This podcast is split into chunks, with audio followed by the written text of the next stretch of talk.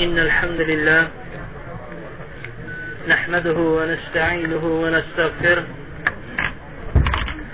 ونعوذ به من شرور أنفسنا ومن سيئات أعمالنا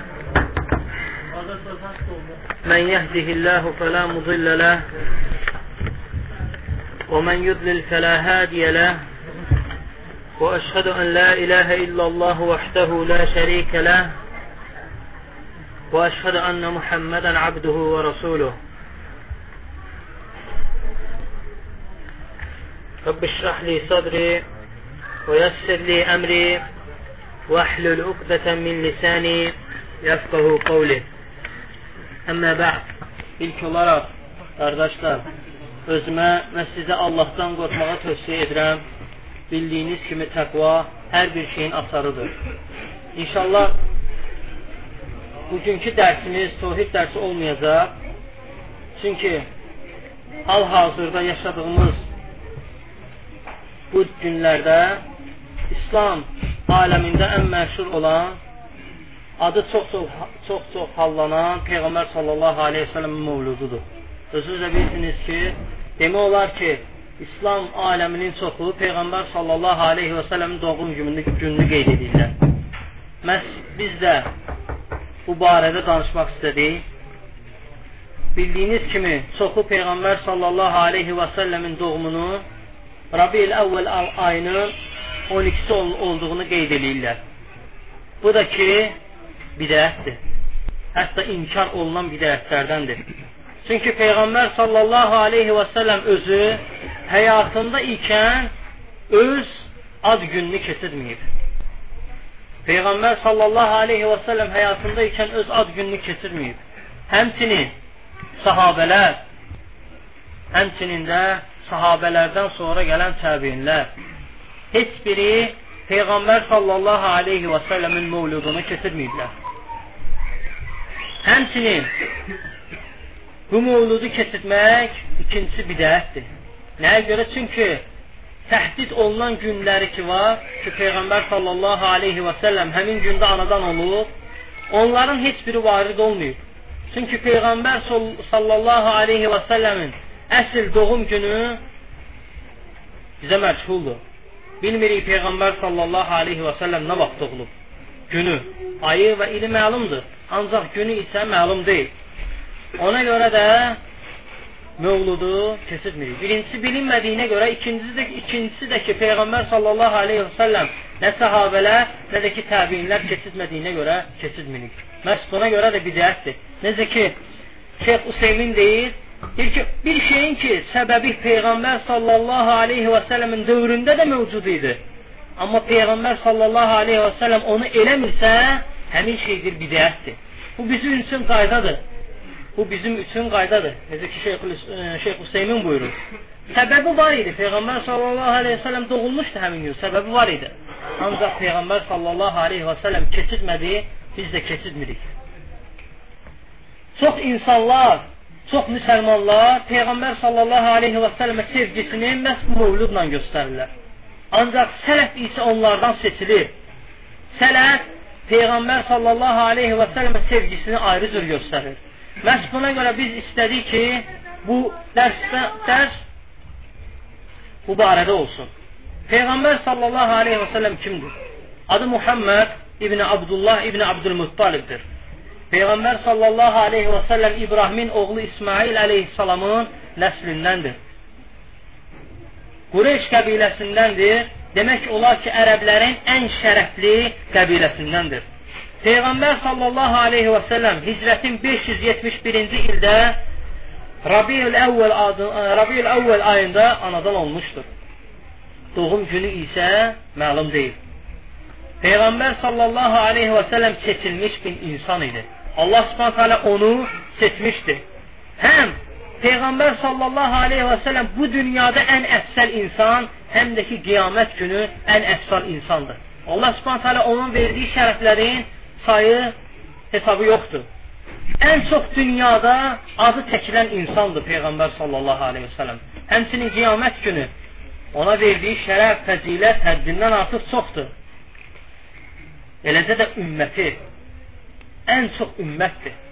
Ən çox sayda ümmətlərin içində sayda ən çoxdur. Necə ki Peyğəmbər sallallahu aleyhi və səlləm buyurur ki, qiyamət günü Peyğəmbər gələcək ətrafında bir nəfər, Peyğəmbər gələcək ətrafında 2-3 nəfər, Peyğəmbər gələcək ətrafında heç kəs olmayacaq. Və deyir, mənə bir toplum göstərilir, sevindim ki, bu mənim ümmətimdir. Dedilər, yox, bu Musa və onun ümmətidir. Sonra deyir, mənə toplum göstərildi. Deyir, o, o əvvəlkindən qat-qat çox idi. Üfüqü deyir, örtmüşdür, deyir. Dedilər ki, budur sənin ümmətin. Və onlar içində, onların içində 70 min nəfər cənnətə sorğu sualsız girəcək. Ona görə Şeyxül İslam İbn Teymiyyə bu hədisi şərh edərək buyurur ki, bu hədis bizim ümmətin həm kəmiyyətinə, həm də keyfiyyətini, keyfiyyət də fəzilət olmasına dəlalət edir. Kəmiyyət də çox olmasına, həm də keyfiyyət də çox olmasına dəlalət edir.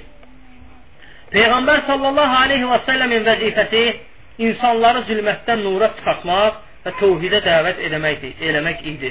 Peyğəmbər sallallahu aleyhi və səlləm seçilmiş bir imam idi. Necə ki Allah Subhanahu taala Qurani Kərimdə buyurur: "Laqad kana lakum fi rasulillahi uswatun hasana limen kana yarjullaha vel yevmil ahir ve zekerallaha ketiran." Buyurur ki, Peyğəmbər Allah Subhanahu taala həqiqətən peyğəmbərdə sizin üçün ibrətlər var. Peyğəmbər sallallahu alayhi və sallam sizin üçün bir ibrət idi. Kimlər üçün? Bir Allah və qiyamət, e, qiyamət gününə ümid bağlayan və Allahı çoxlu zikr edən şəxslərə. Fikir verirsiniz? Pey Allah taala onu seçməsinə baxmayaraq Peyğəmbər sallallahu aleyhi və səlləm Rəbbinə o qədər ibadət eləyirdi ki, hətta bir dəfə gecə namazı qıldıqda tabanı qanıyır. Zövcəsi Ayşə radiyallahu anhə buyurur ki, Allah subhanət hələ sənin keçmiş və gələcək günahlarını bağışlayıb. Nəyə görə bu qədər özünü yorursan? Peyğəmbər sallallahu aleyhi və sələm buyurur ki, Əfələ əkun əbdən şəkura. Deyir, mən deyir, Allahın şükür edən qullarından olmayım mən. Allah subhanət hələ ona yerin xəzinəsini, dünya malını vermişdi. Ancaq Peyğəmbər sallallahu aleyhi və sələm ahireti seçdi ən əfsəl insan ən əfsəl insan olmasına baxmayaraq Abu Hüreyrə radiyallahu anh buyurur ki, deyir, aylarla deyir, Peyğəmbər sallallahu aleyhi və sələmin evində od qalanmazdı. Yəni, yemək pişməzdi. O cürə fəzilətli insan, Allahın ən çox sevdiyi insan, ən çox fəzilət verdiyi insan bir evində bir aylarla bir od qalanmazdı, deyir. Necə Ayşə radiyallahu anh buyurur, deyir ki, deyir, hədis Buxaridədir, Bu bir Peyğəmbər səsən evlərində aylarla bir od qalanmazdı. Deyir, mesela Orva. Allah ondan razı olsun buyurur ki, bəs nə ilə dolanırdınız? Ayşə radiyallahu anh'a buyurur ki, deyir, iki şeylə, xurma və su ilə. O cürə dolanırdılar. Baxın, Allah subhanətə alənin ən çox sevdiyi insan bu cürə əziyyət çəkirdi. Amma biz indi əziyyət çəkdikdə dözə bilmirik. Peyğəmbər sallallahu aleyhi ve sellem o cür əziyyət çəkirdi. Ayrı bir hədisdə Allah radiyallahu anhun hədisində deyir, biz elə bir qovm idik ki, qadınlarımız bizdən qorxarlar, Məkkə əhli nəzərdə tutur. Ancaq Mədinəyə gəldikdə bizim də qadınlar Mədinə qadınlarından ərlərinə dava qaytarmağı öyrəndilər deyir. Mən də deyir, qızım, Hafsaya tez-tez deyirdim ki, Peyğəmbər sallallahu aleyhi və səlləmə qalab qaytarmayın, bir gün o su boşayacaq. Deyir, biz qonşuydıq. Bir nəfərlə qonşuydum, bir sahabə ilə qonşuydıq. Bir gün mən bütün günümü Peyğəmbər sallallahu aleyhi və səlləmə həsr eləyirdim, yanında olurdum səhərdən axşama qədər və onunla nə o görürdümsə, nə eşidirdimsə, axşam qonşuma danışırdım. Qonşum isə həmin günü ruzu dalınca gedirdi. Axşam bütün Peyğəmbər sallallahu aleyhi və səlləm nə görmüşəmsə, nə eşitmişəmsə, onu ona danışırdım. Sabahsı gün isə o gedirdi, mən isə ruzi dalınca gedirdim. Və axşam o nə görmüşdüsə, gəlib mənə danışardı. Bu cürə günümüzü keçirdirdik. Və bir gün o gəlib dedi ki, Peyğəmbər sallallahu aleyhi və sələm zövcələrini boşayıb. Gəldim, gördüm, qızım ağlayır hafsa. Deyir, mən sənə demişdim axı Peyğəmbər sallallahu aleyhi və sələm cavab qaytarmayın, ondan çox şey işləməyin, bir günsi boşayacaq. Dedim, boşayıb mı o sizi? Dedi, bilmirəm. Sonra gördüm, bəzi sahabələr oturub ağlayırlar. Və gəldim Peyğəmbər sallallahu aleyhi və sələmin yanına daxil olmaq istədim. Mövlası dedi ki, Peyğəmbər sallallahu heç kəsə icazə vermir yanına daxil olmağa. Mən bir izin istədim. O mövlası, o qulu, bir girdim Peyğəmbər sallallahu yanına soruşdum ki, Ömər radiyallahu anh sənin yanına gəlmək istəyir. Bir mənə cavab vermədi. Çıxır, deyir ki, mən dedim Peyğəmbər sallallahu aleyhi ve sellem, amma o mənə heç cavab qaytarmadı. Ömər radiyallahu anh iki dəfə, üç dəfə göndərir, hər dəfə qayıdır, deyir ki, cavab qaytarmadı. Ömər radiyallahu anh üzünü söndərib gedəndə qulu çağırır, gəl, Peyğəmbər səsən deyir, girsin. Və deyir, girdim Peyğəmbər sallallahu aleyhi və səlləmin evinə, evinə daxil oldum. Və buyurdum ki, ya Rasulullah, sən zövcələrini boşamısan? Gülümsədi, dedi, yox. Mən deyir, özümdə cürət tapdım, otağa deyir, göz gəzdirdim. Baxın, bax, bunu əsas buna gətirirdim. Bunu demək istirdim. Bir otağa göz gəzdirdim. Peyğəmbər sallallahu aleyhi ve sellem qumun üzərində uzandığından bir qumun bir ləkələri belinə düşmüşdü. Evində bir üç dənə qoyun dərisindən başqa heç nə yox idi. Baxın, subhanallah, Allah Taalanın seçdiyi ən əfsəl insanın evində üç dir dəridən başqa heç nə yox idi. Amma biz indi, subhanallah, Biraz bizə müsibət gəldikdə girəylənirik. Ancaq Peyğəmbər sallallahu aleyhi və səlləmin Allah subhanət ona deyir ki, istəyirsən yerin açarlarını, yer, dünyanın açarlarını sənə verin. İstəmir. Evində heç nə yox idi, üç dərdən başqa. Bir də deyir, yastıqdan başqa, iki dənə yastıqdan başqa. Baxın, bu da Peyğəmbər sallallahu aleyhi və səlləmin evi. Öz evimizlə müqayisə edin. Ömər radiyallahu anh buyurur ki, ya Rasulullah deyir, Farsların, Rumların padşahları yatdıqları taxtat kimi istəyirsən biz də sənə düzəldək. Ömər radiyallahu anh deyir, yox deyir. E, Peyğəmbər səsən buyurur ki, yox deyir. Onlar üçün bu dünyadır, bizim üçün isə ahirətdir. Baxın, ən əfsəl, ən fəzilətli insan. Peyğəmbər sallallahu aleyhi və səlləm də insan idi. Necə ki, Allah subhanətələ Quran-ı kərimdə buyurur bizim kimi bəşər idi. Allah Taala onun ölməyini də bizə xəbər eləmişdi. Və onun ölümündən qabaq bizə əlamətlər göndərmişdi. Necə ki Peyğəmbər sallallahu aleyhi və səlləm ölümündən qabaq istighfarı çoxaldırdı. Ayşə radiyallahu anhə buyurur. Ölümündən qabaq deyir istighfarı çoxaldardı. Allahdan bağışlanma diləməyini çoxaldardı. Həmçinin ölümündən qabaq Nasr surəsi nazil olur. Bu da Peyğəmbər sallallahu aleyhi və səlləmin ölümünə bir işarə idi. Peyğəmbər sallallahu aleyhi ve sellem həcc eləyir. Vida həcci adlanır. Həcc elədikdə bayram günü buyurur ki, məndən bir həccin ərkanlarını götürün. Məndən həccin ərkanlarını götürün. Yəni, necə həcc edirəmsə, o cürə də həcc eləməyi məndən öyrənin. Sonra gör arxasınca nə vurur. Deyir, ola bilsin ki, mən bir daha həcc eləməyim arxasızca göründə buyurur, bir ola bilsin ki, bir daha məni görməyəsiniz. Qarşılaşmayaq bir, bir daha ola bilsin. İşarədir Peyğəmbər sallallahu aleyhi və sələm sahabələrə işarə eləyir ki, mənim ölümüm yaxınlaşır. Ona görə İmam Nəvavi rəhməhullah bu hədisi şərh edərək buyurur ki, bu Peyğəmbər sallallahu aleyhi və sələmin ölümünü yaxın olmasına bir işarə idi. Həmçinin Arafa günü həmçinin həmin günü cümə günü olur. Allah subhanət hələ ayə nazil ilə endirir. Əl-yevmə əkməltu ləkum dinəkum və ətməmtu aleykum ni'məti və raditu ləkumul İsləmə dinə. Allah subhanət hələ bu ayəni nazil endirir. Məhədə surəsi 3-cü ayədir. Allah Teala buyurur ki, bu gün mən sizin dininizi tamamladım. Sizə olan neymətimi bitirdim və sizin üçün din olaraq İslamı bəyənib seçdim din olaraq İslamı bəyənib seçsin. Allah subhanət bu dini bizə bəyənib seçib. Kim ki, əgər bu dini qəbul eləmirsə, həqiqətən də zəlalətdə olanlardır. Həqiqətən də böyük xeyirdən məhrum olanlardır. Bu ayəni nazil indirir. Hədis Müslimdə gəlir. Ömər radiyallahu anh bu ayəni eşitdikdə ağlayır. Ağlamağa başlayır. Buyurur ki, artıq din kamil oldu. Din naqis idi, Allah subhanət hələ dini kamil elədi. Artıq naqis bir şey yoxdur ki, onu tamamlasın Peyğəmbər sallallahu aleyhi ve sellem. Başa düşdü ki, artıq Peyğəmbər sallallahu vəzifəsi bitib. Peyğəmbər sallallahu aleyhi və səlləmin ölümünə işarədir.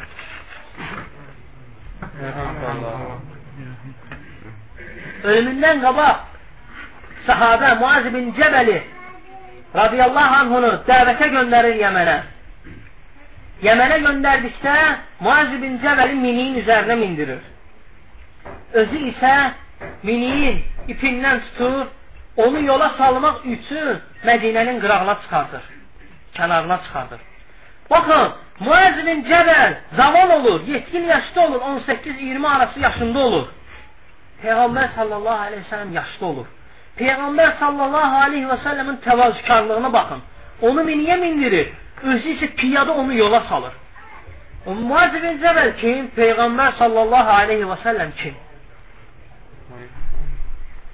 O boyda vəzifə, o boyda fəzilət olmağına baxmayaraq miniyin üzərinə onu mindirir. Özü onu şəxsən yola salır. Ancaq indiki zamanda hətta müsəlmanların içində Allah subhanətələ biraz vəzifə mal verdiyi insanlar qardaşlarına yuxarı gözlə baxırlar. Nə qədər Allah Subhanahu sizə fəzilət versə də, siz Peyğəmbər sallallahu aleyhi və səlləm dərəcəsinə çata bilmərsiniz. Amma Peyğəmbər sallallahu hərəkətinə baxın, onun təvazükarlığına baxın. Muaz bin Cəbəli radiyallahu anhunu Mədinənin qırağına özü şəxsən yola salır. Özünlə miniyə onu mindirir. Muaz bin Cəbələ buyurur ki, ey Muaz deyir, Ola bilsin ki, deyir, biz bir daha qarşılaşmayaq. Deyir, gələcəksən mənim məscidimə və deyir, qəbrimi gördürəysən. Albani hədisi səhləşdirib. Sonra Peyğəmbər sallallahu aleyhi və səlləm xəstəliyi artır. Və xəstəlik artdıqda da yoldaşı Meymunənin evində olur. Zövcələrindən Ayşənin evində xəstəliyini, xəstəliyini Ayşənin evində keçirtməsi üçün icazə alır. Və yoldaşları da ona icazə verirlər. Və Ayşənin evinə gəlir. Və xəstəliyini Ayşənin evində keçirtməyə başlayır. Allah subhanətələ ona Cibril əleyhissalamın vasitəsilə əmr eləyir ki, baqidə ölənlər üçün get istighfar dilə. Peyğəmbər sallallahu aleyhi və səlləm birinci 8 ildən sonra Uhudda şəhid olanlar üçün gedir cənazə namazı qılır. Sonra gecə qulu Əbu Muveyhibəni çağıraraq özü ilə baqiyə aparır. Və baqidə onlar üçün dua eləyir. Duanın axırında da deyir ki, mən də deyir, sizinlə deyir, qarşılaşacaqam. Sonra isə üzünü qulu Əbu Muveyhibəyə tutub deyir ki, ey Əbu Muveyhibə, Allah subhanətə mənə bu dünyada əbədi qalmağı və bu dünyanın xəzinələrinin asarını verdi və dedi ki, istəyirsən bunu götür və istəyirsən mənimlə qarşılaşmağı seç. Ahirəti seç. Mən deyir, Rəbbimlə qarşılaşmağı seçdim. Əbu Muveyhibə buyurur ki, ya Rasulullah, bu dünyada əbədi qalmağı bu dünyanın açarlarını və Rəbbinlə bir olmağı seçsəydin, deyir, yoxdur. Mən deyir, Rəbbimlə olmağı deyir, seçdim. Hədisi Muslim rəvayət edir. Sonra Əbu Muveyhibəyə buyurur ki, fitnələr bizə doğru gəlməyə başlayıb. Və fitnələrin birinci fitnə, ikinci gələn fitnə birincidən daha betər olacaq. Üçüncü gələn fitnə ikincidən daha betər olacaq.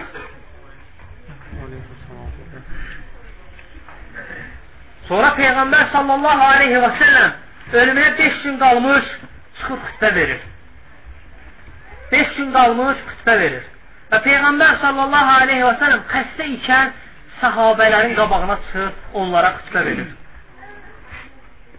Minbərə çıxır və minbərə söykənərək xütbə verməyə başlayır.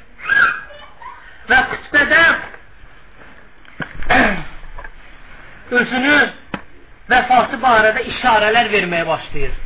Və bunu da Əbu Bakır radiyallahu anhu dərk edir. Başa düşür ki, Peyğəmbər sallallahu aleyhi və səlləmin ölümü yaxınlaşır. Əbu Bakır ağlamağa başlayır. Və Peyğəmbər sallallahu aleyhi və səlləm bunu görüb ona buyurur ki, ey Əbu Bakır ağlama. Ağlama deyir Əbu Bakır.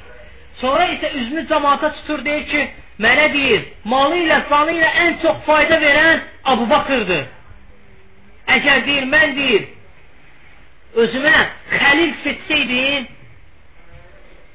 Abu Bakır deyir, özümə xəlil seçərdim. Və lakin deyir, İslam qardaşlığı bizə kifayətdir. Sonra Peyğəmbər sallallahu aleyhi ve sellem buyurur ki, deyir, bizim bir qarşılaşacağımız yer hovuzdur. Hovuzu Peyğəmbər sallallahu aleyhi ve sellem hovuzu. Mən deyir, vallahi deyir, indi deyir, hovuzumu deyir, görürəm. Vallahi deyir, sizi şirkə qayıtmağınıza görə qorxmuram. Qorxmuram ki, siz şirkə qaydasınız. Sizin üçün ən qorxduğum şey dünya malıdır. Sizin üzərinizə, onun qapıları sizin üzünüzə açılsın. Sizdən qabaqki ümmətlərin məhv olduğu kimi siz də məhv olasınız. Deyir, siz onun dünyanın qapıları sizin üzərinə açılsın. Siz də ona yiyələnmək üçün biri-birinizlə yarışasınız və onların məhv olduğu kimi siz də məhv olasınız. Vallahi ki, o cürə də olur. Bizdən qabaqki ümmətlər, Fars və Rom nəyə görə məhv oldular? Dünyaya bağlandıqlarına görə. Dünyaya bağlandıqlarına görə məhv oldular. Müsəlmanlar da həmin şeyə görə məhv oldular. Din qalacaq, qiyamətə qədər qalacaq. Amma o izzəti müsəlmanlar dünyaya bağlandıqdan sonra itirdilər.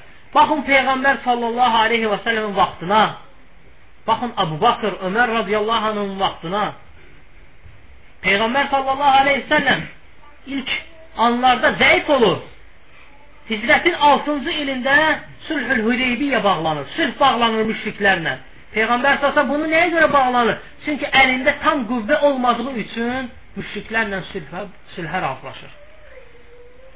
Sonra isə başçılara, əmirliklərə məktub yazmağa başlayır. Bu məktublardan da birini Rum imperiyasının böyüyünə yazır. Rum imperiyası da dünyaya hökmranlıq edən iki imperiyadan biri idi. Biri Fars idi, biri də Rum. Rum ondan da güclü idi. Çünki Rum Farsa həmin zaman qalib gəlmişdi. Və Peyğəmbər sallallahu aleyhi və səlləmin məktubunu ona gətirirlər. Herakla gətirirlər. Herakla məktub yazır. O məktublardan da birini Peyğəmbər sallallahu Herakla yazır. O vaxtı Herakl iyiliyə Qüdsə gəlir. Şükür eləmək üçün Qüdsə gəlir. Nəyə görə? Çünki o özündə nəzər eləmişdi ki, əgər Allah Subhanahu taala mənə qələbə nəsib eləsə Fars üzərində Qüdsə ziyarətə gedəcəm və Allaha şükür eləyəcəm. Və gedir Qüdsə. Şükür eləyəndə həmin Qüdsdə olanda Peyğəmbər əleyhi məktubunu ona gətirirlər. Və bu da dindar olur. Herakl dindar olur. Öz dinində möhkəm adam olur. məktubu açmır. Deyir ki, gedin bazara, bunun qövmündən kim varsa tutun gətirin. Gedirlər, Əbu Sufyan o vaxtı kafir olur hələ, müşrik olur. Əbu Sufyan və onun cəmadını tutub gətirirlər Peyğəmbər sallallahu yanına. Gətirirlər və Əbu Sufyan e, Hayrakıl buyurur ki, sizin aranızda ona yaxın olanı kimdir? Əbu Sufyan deyir, mənəm deyir. Qohum, qohum, qohum, qohumcan, mən ona daha yaxınam. Deyir, sən otur mənim qabağımda. Herakl hündürdə oturur və onu da öz qabağında oturur. O biriləri isə arxasında səhv-səhv düzür ki, Herakl arxaya baxmayınca onları görə bilməsin. Sonra arxadakılarına buyurur ki, əgər bir o yalan danışsa, mənə bir başınızı tərpədin, biləcəm ki, o yalan danışır. Və sonra Herakla Peyğəmbər sallallahu aleyhi və sələm barədə suallar verməyə başlayır. Və Peyğəmbər sallallahu aleyhi və sələm də e, Heraklda Peyğəmbər sallallahu barədə suallara düzgün cavab verir. Əbu Sufyan, Əbu Sufyan Herakla düzgün cavablar verir. Əbu Sufyan sonra buyurur ki, onun məktubunu açın, oxuyun. Ondan qabaq buyurur ki, o bir həqiqətən doğrucu peyğəmbərdir. Əgər deyir, o mənim torpağımdan çıxsaydı, mən gedib deyir, onun ayaqlarının altından yuyardım. Sonra Peyğəmbər səsin məktubunu açıb oxutdurub, Peyğəmbər səsin görün məktubunda nə yazır? Deyir, əslim təslim. İslama gir ki, canını qurtarasan. İslama gir ki, o boyda imperiyanın böyrünə gör nə yazır? 10 min qoşunu olmur Peyğəmbər səsin. Yazır ki, əslim təslim. İslama gir ki, canını qurtarasan. Bunu Peyğəmbər səsin nəyə arxalanıb yazırdı? Allaha. Herakl qəbul eləmir, axırda müsəlmanlar Rum imperiyasında, Fars imperiyasını darmadağın edirlər. Darmadağın. Hətta Peyğəmbər səsən Bədir döyüşü günü, Bədir döyüşündən qabaq xəndək qazırlar. Xəndək qazdıqda iki dənə böyük daş çıxır, sahabələr yara bilmir onu. Və Peyğəmbər sallallahu əleyhi və səlləm çağırırlar. Peyğəmbər sallallahu gəlir daşı əsası ilə vurur, deyir Allahu əkbər deyir. Daş parçalanır, deyir Allahu əkbər deyir. Fars imperiyası bizim olacaq. İkinci dəfə burada daş yenə parçalanır, deyir Allahu əkbər, Rum imperiyası bizim olacaq. Münafiqlər deyir buna baxır, gör nə danışır. Biz bir qorxumuzdan silahsız ayaq yoluna gedə bilmirik. Bu bizə Fars Rum imperiyasını zəd edir. Vallahi ki o cürə də olur. Fars imperiyası da, Rum imperiyası da müsəlmanların olur. Hətta Fars imperiyası ilə müharibə getdikdə Fars imperiyası görür ki, məğlub olur. Qardaşı olan Çin imperiyasından yardım istəyir. Çin imperiyası ona yazır ki, mən sənə istədiyin qoşunu verərəm. Lakin o müsəlman dediyin insanların sifətlərini mənə yaz. Vəsf elə onlar mənə görüm kimdir. Fars imperiyasının böyüyü də onlar onlara ona Rum imperiyasının müsəlmanlara sifətini yazır. Orada iki sifəti bildirir. Bir gecələri yatmayıb namaz qılırlar, gündüzləri ac qalıb oruç tuturlar. Görün Fars e, Çin imperiyasının böyüyünə yazır ona. Deyir, mən sənə elə bir qoşun verirəm ki, onun bir ucu zeytun bağında yanar. Zeytun bağları da o vaxtda Şama deyirdilər. Deyir, bir ucu zeytun bağlarında yanar. O biri isə bir Çində yanar. Ancaq deyir, bil ki, onlar sənin də qoşununu, mənim də qoşunumu məhv eləyəcəklər. Əgər yazdığın sifətlər doğrudan da onlarda varsa, onlar bizi məhv edəcəklər. Mən sənə məsləhət görürəm ki, onlarla sülhər ağızlaş. Onların istədiyini ver. Yoxsa deyir, məhv eləyəcəklər. Ona görə Ömər radiyallahu anhu buyurur ki, bizdir, bizdir elə bir qovmuyuk ki, Allah subhanət hələ bizi İslamla izzətləndirib. Kim ki İslamdan başqa bir şeydə izzəti axtarsa, o vaxtda deyir Allah subhanət hələ bizi dəlil eləyəcək. Allah ki, elə o zırıda olur. Müsəlmanlar gedir Avropaya qədər çıxırlar. Afrikanın bütün şimal hissəsini alırlar. Asiya, Avropaya qədər gedir çıxırlar. Sonra isə dünyaya bağlanırlar. Nəticə nə olur? Nəinki müsəlmanlar kafirlərə qalib gələ bilirlər. Əksinə öz əllərində olan torpaqları artıq kafirlərə verməyə başlayırlar. Ona görə Muaviyə radiyallahu anh xəlifə olduqda Amr ibn el-As Muaviyə radiyallahu anhın yanına gəlir, dəniz donanmasını yaratmağı ona təklif edir. Muaviyədən qabaq Ömər radiyallahu anh xəlifə olduqda Amr ibn el-As onun yanına gedir. Ömər radiyallahu anh gəlir, buyurur, gəl dəniz donanmasını yaradaq. Ömər radiyallahu anh buyurur ki, mənə dənizi vəsf edə. İbn el-As ona vəsf eləyir, buyurur ki, yoxdur. Mən bir razı olmaram müsəlmanları dənizdə qırdırmağa. Razılaşmır dəniz donanmasını yaratmağa. Amr ibn el-As ikinci təklifi Muaviyə radiyallahu anh xəlifə olduğu dövrdə Muaviyəyə gəlir. Təklif edir və Muaviyə radiyallahu anh razılaşır. Dəniz donanmasını yaradırlar. Peyğəmbər səsən buyurur, dəniz donanmasını yaradan cənnət var. Dəniz donanmasını yaradırlar və ilk olaraq Kipr adasına hücuma keçirlər. Kiprdə adı olur. Adı olduğu üçün həmişə onlar suda vuruşub. Təcrübələri çox olur. Amma müsəlmanlar heç təcrübəsi olmur. Birinci dəfə dənizə çıxırlar. Sahabələrin içində əksəriyyət heç üzməyə bacarmırdı. Dənizə çıxırlar.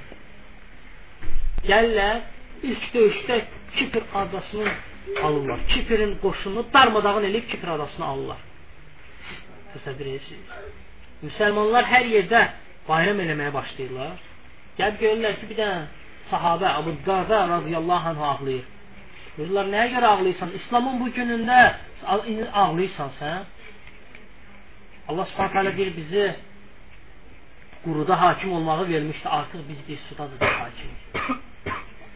Bu gündə deyir sən ağlayırsan. Deyir yox deyir vallahi mən ona görə ağlamıram. Mən ona görə sevinirəm. Məni ağlanan ayrı şeydir. Məni ağladan odur ki, biz nəyə görə Fars Rum imperiyasına qalib gələ bildik? Dünyaya bağlandıqlarına görə. E, mən qorxuram, vaxt gəlsin, biz də dünyaya bağlanaq, onların, onların məhv olan kimi biz də məhv eləsinlər. Vallahi ki, o cürə də olur. Müsəlmanlar dünyaya bağlandıqdan sonra nəinki torpaq alırlar, əksinə öz əllərində olan torpaqları verməyə başlayırlar. Və Peyğəmbər sallallahu aleyhi və səlləm xütbə verdikdə sahabələr ağlamağa başlayırlar. Və sonra Peyğəmbər sallallahu aleyhi və səlləm sahabələrlə halallaşmağa başlayır. Düzdür, bu indi danışacağım rəvayəti bəzi alimlər zəifləşdirib, bəzi alimlər səhləşdirib, onu danışıram inşallah. Və halallaşırlar. Peyğəmbər sallallahu onlardan halallaşma diləyir. Deyir ki, kimə ki deyir, malını almışamsa, malım göz qabağındadır, gəlsin, malını qaytarım. Kimi ki deyir, vurmuşamsa, gəlsin deyir, vursun, halallaşa. Bu zaman Ökkəş ibn Mihsan radiyallahu anh qayıdıb qalxır ayağa, deyir ki, ya Rasulullah, yadıma gəlir Bədir ya Uhud mənim yadımdan çıxır, döyüşü günüdür. Sən səhvləri düzdükdə mən deyir, biraz qabağa çıxmışdım, asanla məni vurdum, dedim ki, biraz arxaya çəkir. Və deyir, indi özün qisas almağı istəyirsən. Peyğəmbər səsən buyurur ki, gedin evdəki asanı gətirin, hansı ki, Uhud döyüşü, Uhud döyüşü olur, yəni yadımdan düşür. Uhud Uhudda vurduğun asanı gətirin. Uhudda o vurduğu asanı gətirirlər. Əli radiyallahu anh qalxır, deyir ki, ya Rasulullah, deyir, sənin əvəzində qoy gəlib mənə vursun. Peyğəmbər s.ə.v buyurur, yoxdur, mən vurmuşamsa qoy elə mənə vursun. Və asanı verirlər Uqaş ibn Məhsan radiyallahu anhə. Uqaş ibn Məhsan radiyallahu anhu asa ilə Peyğəmbər s.ə.v yaxınlaşdıqda sahabələr daha da ağlamağa başlayırlar. Çünki öz sahabəsi, Peyğəmbər s.ə.v xəstə ölüm anında öz sahabəsi ondan intiqam alır. Və gəlir Peyğəmbər s.ə.və çatdıqda Peyğəmbər s.ə.v paltarını qaldırır ki, vursun. Qəş ibn Məhsən asanı tullur və Peyğəmbər səlləmi qucaqlayır. Sahabelər daha da ağlamağa başlayırlar. Sonra Peyğəmbər sallallahu əleyhi və səlləm düşərək evinə daxil olur. Xəstəliyi daha da artır. Ayşə radiyallahu anhə buyurur ki, Peyğəmbər sallallahu aleyhi və sələm bütün qadınları onun evində toplaşmışdı. Yəni mənim evimdə Peyğəmbər sallallahu ətrafına toplaşmışdılar. O gün deyir, heç bir qadın o biri qadını qısqanmırdı. Peyğəmbər sallallahu aleyhi və sələmə qısqanmırdı. Hamısı dərk edirlər ki, Peyğəmbər sallallahu aleyhi ölüm ayağındadır. Və deyir, Fatimə radiyallahu anhə gəlməyə başlayır. Peyğəmbər sallallahu əleyhi və səlləm necə gəlirsə o da elə gəlməyə başlayır. Çünki Fatimə radiyallahu anh Peyğəmbər sallallahu əleyhi yerişini yeyirdi. Gəldi deyir. Peyğəmbər sallallahu əleyhi və səlləm onun qulağına nəsə dedi.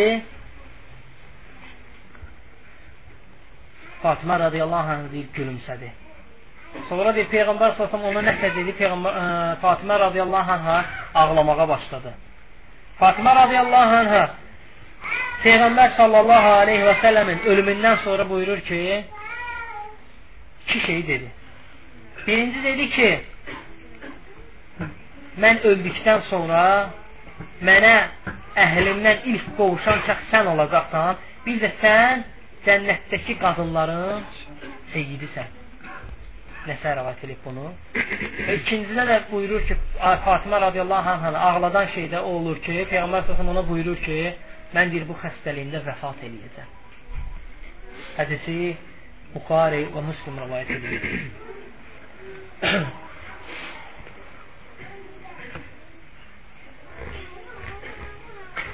Ənəs radiyallahu anh rəvayət edir ki, Peyğəmbər sallallahu aleyhi və sələm xəstələndikdə müsəlmanlar Abu Bakır radiyallahu anhunun imamlığı altında namaz qılırdılar. Peyğəmbər s.ə.v onu imam təyin eləmişdi. Və deyir, həftənin birinci günü müsəlmanlar həcr namazı qıldığı zaman Peyğəmbər sallallahu aleyhi və səlləmin pərdəsini qaldırırlar. Və Peyğəmbər sallallahu aleyhi və səlləm müsəlmanlar gördükdə namazda ikən sevindiklərindən fitnəyə düşürlər. Yəni, çox sevinirlər. Və Peyğəmbər sallallahu aleyhi ve sellem də sahabələrin bu halını görür. Çünki sahabələr elə başa düşürlər ki, artıq Peyğəmbər sallallahu sağalıb. Peyğəmbər sallallahu görür ki, namazda ikən fitnəyə düşürlər sahabələr, əmr edir ki, pərdəni bağlayın. Bağlayırlar və Peyğəmbər sallallahu aleyhi ve sellem həmin günü vəfat eləyir. O pərdə bir daha qalxmır. Ölməmişdən qabaq Peyğəmbər sallallahu aleyhi ve sellem Ayşə radiyallahu anhə buyurur ki, hələ də deyir, Xeybərdə zəhərləndiyin zəhərləndiyimin bir əziyyətini indi çəkirəm. Onun təsiri hələ də qalıb. Xeybər fəth olunan gün, gün Yahudi qadın gəlir Peyğəmbər sallallahu aleyhi ve sellem buyurur ki, qoyunun hansı hissəsini xoşlayırsan? Peyğəmbər sallallahu buyurur ki, qol hissəsi. Və qol hissəsini daha çox zəhərləyir qadın, Yahudi qadın. Peyğəmbər sallallahu verdikdə sahabelər yeməyə başlayır. Peyğəmbər sallallahu yeyir. Peyğəmbər sallallahu bərabər Bişr ibn el-Bara radiyallahu anh da yeməyə, yeməyə başlayır.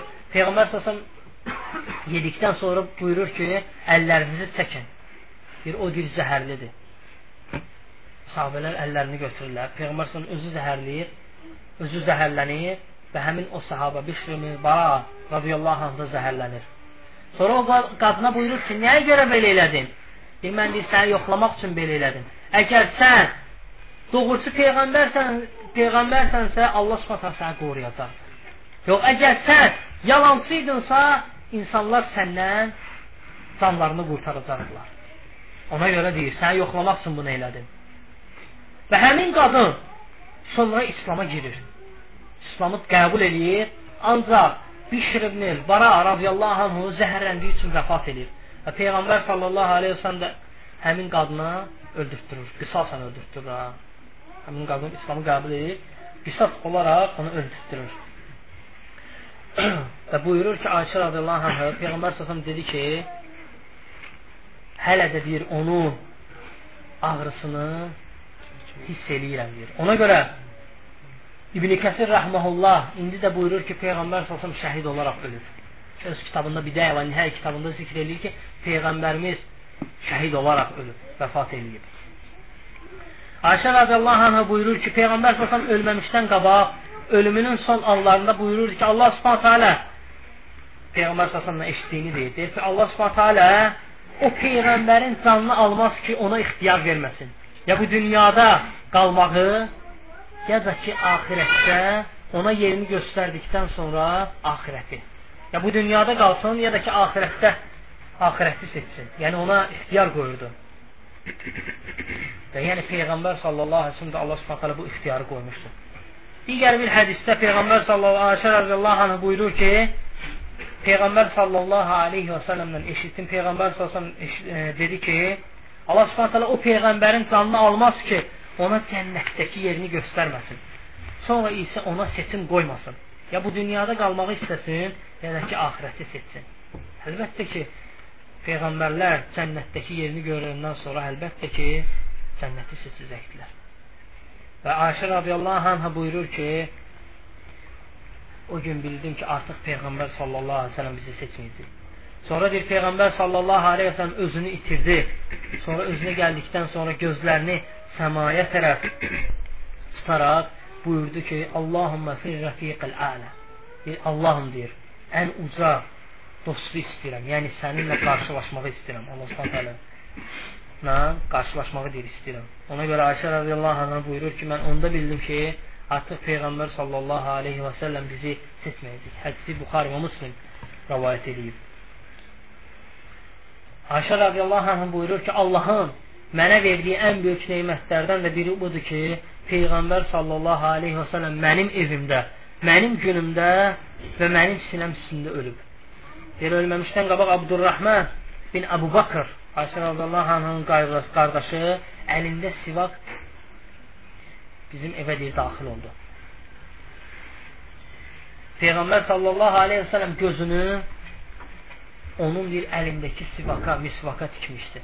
Həmin başa düşdüm ki, Peyğəmbər sallallahu misvakı istəyir. Aldım və deyir onu yumşatdıqdan sonra Peyğəmbər sallallahu aleyhi və səlləmə verdim. Peyğəmbər sallallahu aleyhi və sələm deyir, dişlərini sürtdü. Vallahi ki, deyir, o günkü kimi dişlərini sürtən görməmişdim. Sonra deyir, gözünü deyir, səmaya tərəf tutdu. Dedi ki, Allahumma fir rafiqil a'la deyir. Allahumma deyir, ən uca dostu istəyirəm. Yəni səni istəyirəm. Sonra deyir Peyğəmbər sallallahu aleyhi və səlləm vəfat elədi. Vəfat etdikdən sonra sahabələr Peyğəmbər sallallahu aleyhi və səlləmin ölümünü qəbul edə bilmirdilər. Dərk edə bilmirdilər ki, Peyğəmbər sallallahu ölüb. Ömər radiyallahu anhu hətta buyurur ki, kim ki desə Peyğəmbər sallallahu aleyhi və səlləm ölüb, vallahi deyir, Peyğəmbər sallallahu qayıtdıqdan sonra o insanların bir əllərini, qollarını deyir, kəsirdim. Abu Bakr radiyallahu anhu gəlir, Ayşə radiyallahu anhanın evinə daxil olur, Peyğəmbər səsinin üzünü açır və alnından öpür və ağlayır. Və buyurur ki, ey Rasulullah deyir, vallahi deyir, Allah subhanət hələ səni iki dəfə öldürməyəcək. Birinci ölümü artıq sən yaşadın. Birinci ölümü artıq sən yaşadın. Sonra isə deyir, çıxdı, Ömər radiyallahu anhu danışırdı susmurdu. Abu Bakır ona sakit olmağı dedikdə Ömər radiyallahu anh yenə deyir davam eləyirdi. Abu Bakır ona deyir ki, otur. Ömər radiyallahu anh oturmur, sözündə davam eləyir. Abu Bakır yenə ona deyir ki, otur. Yenə Ömər radiyallahu anh davam elədikdə Peyğəmbər e, Abu Bakır radiyallahu anh Allaha həmd eləyir, şahiddir, təşəhhüd eləyir və Peyğəmbər sallallahu aleyhi ve sellem həmd səna gətirir. Sonra isə buyurur. Bir kim ki deyir, Məhəmmədə ibadət edirsə, artıq Məhəmməd ölüb. Kim ki deyir, Allaha ibadət edirsə, Allah subhanət hələ diridir, ölmür. Sonra isə bu ayələri oxumağa başladı. Allah subhanət hələ buyurur ki, İnnəkə meyyitun və innəhum meyyitun. Peyğəmbər sallallahu aleyhi ve sellem xitab edərək Allah taala buyurur ki, sən də öləcəksən, onlar da öləcək. O bir ayədə və mə cəalnə min qabl və mə cəalnə li bəşərin min qablikəl xuld. Deyir, səndən qabaq heç kəsə bu dünyada əbədi qalmağı yazmamışıq. O bir ayə kullu nəfsin zəiqətil maut. Hər bir canlı ölümü dadacaqdır. Bu ayələri oxumağa başlayır. Vallahi deyir, sahabələr elə bir ki, bu ayələri eşitməmişdilər, bilmirdilər. Birinci dəfə Abu Bakır radiyallahu anh o eşit, oxuduğu zaman insanlar elə bir birinci dəfə onda bu ayələri eşitməyə başladılar. Səid ibn Musayyib rəvayət edir ki, Ömər radiyallahu anh bu ayələri eşitdikdə bildi ki, Peyğəmbər sallallahu aleyhi ve sellem artıq vəfat edib, huşunu itirərək deyir, yıxıldı. Huşunu itirərək yıxıldı. Sahabələrdən eləsi olur ki, dili tutulur, eləsi olur ki, qalxdı, otur, ə, bir daha qalxa bilmir. O cürə səhabələrə Peyğəmbər sallallahu aleyhi və səlləmin ölümü təsir edir. Və Peyğəmbər sallallahu aleyhi və səlləmin paltarının üzərindən qüsl elətdirirlər. Sonra isə ona cənazə namazı qılırlar. Cənazə namazını da hər bir insan tək-tək qılır. İlk olaraq kişilər qılır. Sonra qadın, sonra uşaqlar, sonra qadınlar, hamı tək-tək sonra isə qullar gəlib hamını tək-tək Peyğəmbər sallallahu aleyhi və səlləmə cənazə namazı qılırlar. Peyğəmbər sallallahu hicrətin 11-ci ilində həftənin birinci günü Rabiil əvvəl ayında da vəfat eləyir. Xəstəliyi 13 gün çəkir. Ancaq Peyğəmbər sallallahu birinci gün vəfat eləsə də onu üçüncü gün dəfn edirlər. Peyğəmbər İbn Hibban rəvayət edir ki, Peyğəmbər sallallahu əleyhi və səlləm səhabələr yerdən bir qarış hündürlükdə bastırırlar. Baxın Peyğəmbər sallallahu əleyhi və səlləm bir qarış hündürlükdə bastırırlar yerdən. Peyğəmbər sallallahu dəfn elədikdən sonra qaydanda Fatimə radiyallahu anha, Ənəs radiyallahu anha buyurur ki, Ənəs deyir. Necə deyir, əliniz gəldi Peyğəmbər sallallahu aleyhi və səlləmə torpağa deyir, bastırmağa. Ənəs radiyallahu anh buyurur ki, vallahi deyir, biz o, bizim əlimiz deyir, onu torpağa bastırsa da qəlblərimiz o inkar edirdi deyir. qəlblərimiz onu inkar eləyirdi. Peyğəmbər sallallahu aleyhi və səlləmin ölümü İslam tarixində ən böyük müsibət adlanır. Təsəvvür edin, hər hansı bir insanın övladı öldükdə və yaxud ata-anası öldükdə ona necə təsir edir? Təsir edir. İndi təsəvvür edin ki, insan bütün nəslini birdən itirsə, oğullarını, atalarını, qohumlarını birdən itirsə, ona, ona necə təsir edir? Onlardan da betər Peyğəmbər sallallahu aleyhi və səlləmin ölümü təsir edir sahabələrə. Çünki bilirlər ki, Peyğəmbər sallallahu aleyhi və səlləmin ölümü ilə vəhiy kəsilir. Peyğəmbər sallallahu aleyhi və səlləm buyurur ki, sizlərdən birinizin başına müsibət gəldikdə mənim müsibətimi xatırlasın. Və Peyğəmbər sallallahu aleyhi və səlləmin ölümü də ən böyük müsibət idi. Hədisi İbn Macə rəvayət edib Albani səhihləşdirib. Və Peyğəmbər sallallahu ona görə buyurur ki, deyir, vallahi deyir, vaxt gələcək, sizlər məni görməyəcəksiniz. Məni görmədikdə sizlər malını, qanını ver verməyə razı olacaq ki, məni görsün. Təsəvvür edirsiniz? Hədisi Müslim rivayət edib. Bir malınızdan, qanınızdan keçərsiniz ki, malınızdan, əhlünüzdən keçərsiniz ki, məni görəsiniz.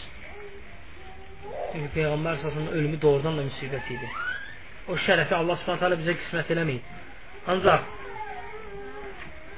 Allahdan istəyirəm ki, bizi onunla bir yerdə olanlardan eləsin. Ona görə Əbul Cəvzə buyurur ki, təbiin deyir, biz Mədinədə bir kəsi gördükdə ki, üzülür, onun yanına gəlib deyirdik ki, Allahdan qorx. Bundan da böyük müsibəti artıq biz yaşamışıq Peyğəmbər sallallahu itirmişik. Ondan böyük müsibətə üzülmüsən, adi bir müsibətə üzülürsən. Və Peyğəmbər sallallahu aleyhi və səlləm əvvəllər küfün üzərində xütbə verirdi. Sonra isə sahabələr ona minbər düzəldirlər. Peyğəmbər sallallahu aleyhi və səlləm minbərin üzərinə çıxıb xütbə verdi, verməyə başlayır. Və ilk dəfə minbərə çıxdıqda kötükdən ağlamaq səsi gəlir. Kötükdən ağlamaq səsi gəlir sahabələr buyurur ki, uşaq ağladığı uşaq ağladıqda çıxdığı səs kötükdən dil çıxırdı. Və Peyğəmbər sallallahu minbərdən düşür, kötüyü qızaqlayır. Və buyurur ki, vallahi deyir, mən o qızaqlamasaydım qiyamətə qədər onun ağlamaq səsini eşidərdiniz. Həsən el-Basri bu hədisi rəvayət etdikdə buyurur ki, baxın deyir, bu adicə kötük Peyğəmbər sallallahu aleyhi və səlləm ondan ayrıldığına görə bu qədər üzülür. Bu qədər deyir, üzülür, ağlayır. Biz insanlar daha çox Peyğəmbər sallallahu aleyhi və səlləmi itirdiyimizə görə üzülməliyik. Deyir, vallahi deyir, biz Peyğəmbər sallallahu aleyhi və səlləmi bir kötük parçası qədər sevə bilmədik. Ənəs radiyallahu anhu buyurur ki, o gün ki, deyir, Peyğəmbər sallallahu aleyhi və səlləm Mədinəyə daxil oldu, bizə deyir, hər şey nur görsənməyə başladı. Hər şey deyir, bizim üçün asadlıq, rahat, nur görürdük. O gün ki, deyir, biz bir Peyğəmbər sallallahu aleyhi və səlləmi itirdik, artıq həmin günü deyir, bizim üçün hər şey zülmət oldu. Hədisi Tirmizi İbn Məcə rəvayət edib Alban səhləşdirib. Budur, biz Peyğəmbər sallallahu aleyhi və səlləmi itirmişik. Ancaq Peyğəmbər sallallahu aleyhi və səlləmlə qiyamət günü cənnətdə bir yerdə olmaq mümkündür.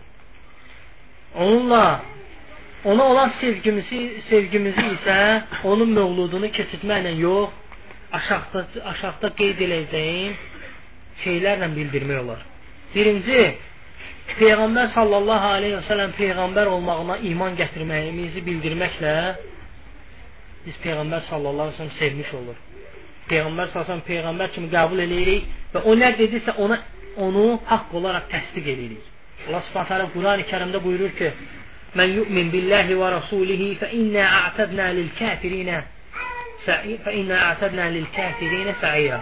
Kim Allaha və onun elçisinə iman gətirməzsə, bilsin ki, biz kafirlər üçün od hazırlamışıq. Digər bir ayədə Peyğəmbər digər bir hədisdə Peyğəmbər sallallahu buyurur ki: deyir, mənə əmr olundu, insanlarla vuruşum o vaxta qədər ki, la ilahə illallah desinlər, mənə və mənim gətirdiyimə iman gətirsinlər. Hədisi Müslim rivayet edib. İkinci, Peyğəmbər sallallahu aleyhi ve sellem dediklərini yerinə yetirməklə və onun çəkindirdiyi şeylərdən çəkindirməklə Peyğəmbər sallallahu aleyhi ve sellemə olan sevgimizi bildirir. Allah Subhanahu Quran-ı Kərimdə buyurur ki: "Və ma atakumur rasulu fəxuzuhu və ma nahakum anhu fəntahu." Həşr surəsi 7-ci ayə. Peyğəmbər sallallahu sizə nəyi əmr edirsə onu qəbul edin, onu götürün. Onu yerinə yetirin. Sizi nəydən çəkindirirsə, ondan da çəkinin. Digər bir ayədə buyurur ki: "Fəlyəhdərillezine yuxalifun an əmrihi an tusibuhum fitnetun aw yusibuhum azabun alim." Qoy onun əmrinə qarşı çıxanlar başlarına bir bir bəla gəlməsindən, yaxud özlərinə sarsıdıcı bir əzab üz verməsindən qorxsunlar. Digər bir ayədə Allah Subhanahu buyurur ki, Nur surəsi 63. Digər bir ayədə buyurur ki: "Və men ya'sillaha və rasulahu faqad dalla dalalan mubina." Allah və onun elçisinə asi olan kəs əlbəttə ki, açıq-aşkar azğınlığa düşmüşdür. Üçüncü, Peyğəmbər sallallahu aleyhi və səlləmi öz oğullarımızdan, ailəmizdən, yəni öz övladlarımızdan da, ata-anamızdan da çox istəməliyik. Necə ki, Ənəs radiyallahu anh rəvayət edir, buyurur ki, sizlərdən biriniz iman gətirməz, hətta Peyğəmbər sallallahu aleyhi və səlləmi öz övladlarından, öz valideynlərindən və bütün insanlardan çox istəməyincəyə qədər. Hədisi Buxari və Müslim rəvayət edir. Bir kişi Peyğəmbər sallallahu aleyhi və səlləmin yanına gəlir, buyurur ki, qiyamət günü nə vaxtdır? Peyğəmbər sallallahu ona buyurur, Onun üçün nə hazırlamısan? Qiyamətə nə hazırlamısan? Kişi buyurur ki, mən deyir qiyamətə nə çoxlu bir namaz hazırlamışam. Yəni çoxlu namaz qılan deyiləm. Lap elə çoxlu namazım yoxdur. Nə də elə bir çoxlu sədəqəm ver verən olmamışam. Nə də ki çoxlu oruç tutan deyirəm. Ancaq mən Allah və Rasulunu deyir çox istəyirəm. Hər şeydən yəni çox istəyirəm. Peyğəmbər sallallahu aleyhi ve sellem buyurur ki, Əl-mar'u ma'mən əhəb. Kişi öz sevdiyi şəxslə bir yerdə olacaq. Ənəs radiyallahu anh bunu eşitdikdən sonra deyir ki, vallahi deyir, biz həmin günü sevindiyimiz kimi sevinməmişdik. Biz bir Peyğəmbər, Allahı və onun Peyğəmbərini hər şeydən deyir, çox istəyirik. Mən deyir, vallahi deyir, Allahı, onun Peyğəmbərini, Əbu Bakır və onları çox istəyirəm deyir onun onların bir etdiyi əməlləri etməsəm də Allahdan istəyirəm ki, onunla, onlarla bərabər bir yerdə olum. Hədisi Müslim rivayet edib. Həmçinin Peyğəmbər sallallahu aleyhi və səlləm buyurur ki, üç şey kimdə olarsa o imanın ləzzətini dadar. Hər bir şeydə ləzzət olduğu kimi bu imanda da ləzzətlik var. Peyğəmbər sallallahu buyurur ki, o ləzzəti isə üç şeylə dadmaq olur. Birincisi, kim ki Allahı və Rasulunu hər şeydən çox istəyirsə, o bu şirinliyi dadır. Biri budur. Üç şeydən biri budur. Allah və Rasulullah hər şeydən çox istəyir. Onu kimi, onları sevdiyi kimi heç kəsi sevmir. İkincisi, qardaşını, yəni müsəlman bir kimsəni Allah üçün sevir. Yalnız Allah üçün. Başqa bir niyyət üçün yox, yalnız Allah üçün. Üçüncüsü də ki, insan oda düşməyi istəmədiyi kimi küfrə qayıtmağı da istəməz. Bu üç şey kimdə varsa o imanın şirinliyini dadar. Hədisi Buxari və Müslim rivayet edir. Dördüncüsü də ki, Peyğəmbər sallallahu aleyhi ve sellemə ehtiram eləməklə olur. Necə ki, adı gəldikdə ona salavat gətirməklə, onun sirasını oxumaqla, elm öyrənməklə və onun bizə buyurduqlarını yerinə yetirməklə və çəkindirdiyi qadağalardan çəkin, çəkindirməklə olur. Həqiqi sevgi budur. Həqiqi sevgi budur. İnsan Peyğəmbər sallallahu aleyhi ve sellem sevgisini göstərmək istəyirsə, bu dörd şeylə göstərsin. Ancaq Peyğəmbər sallallahu aleyhi ve sellem dində olmayan mövludunu keçirtməklə yox. Allahdan istəyirəm ki, bizi eşidib faydalananlardan etsin. Amin. Allah razı olsun.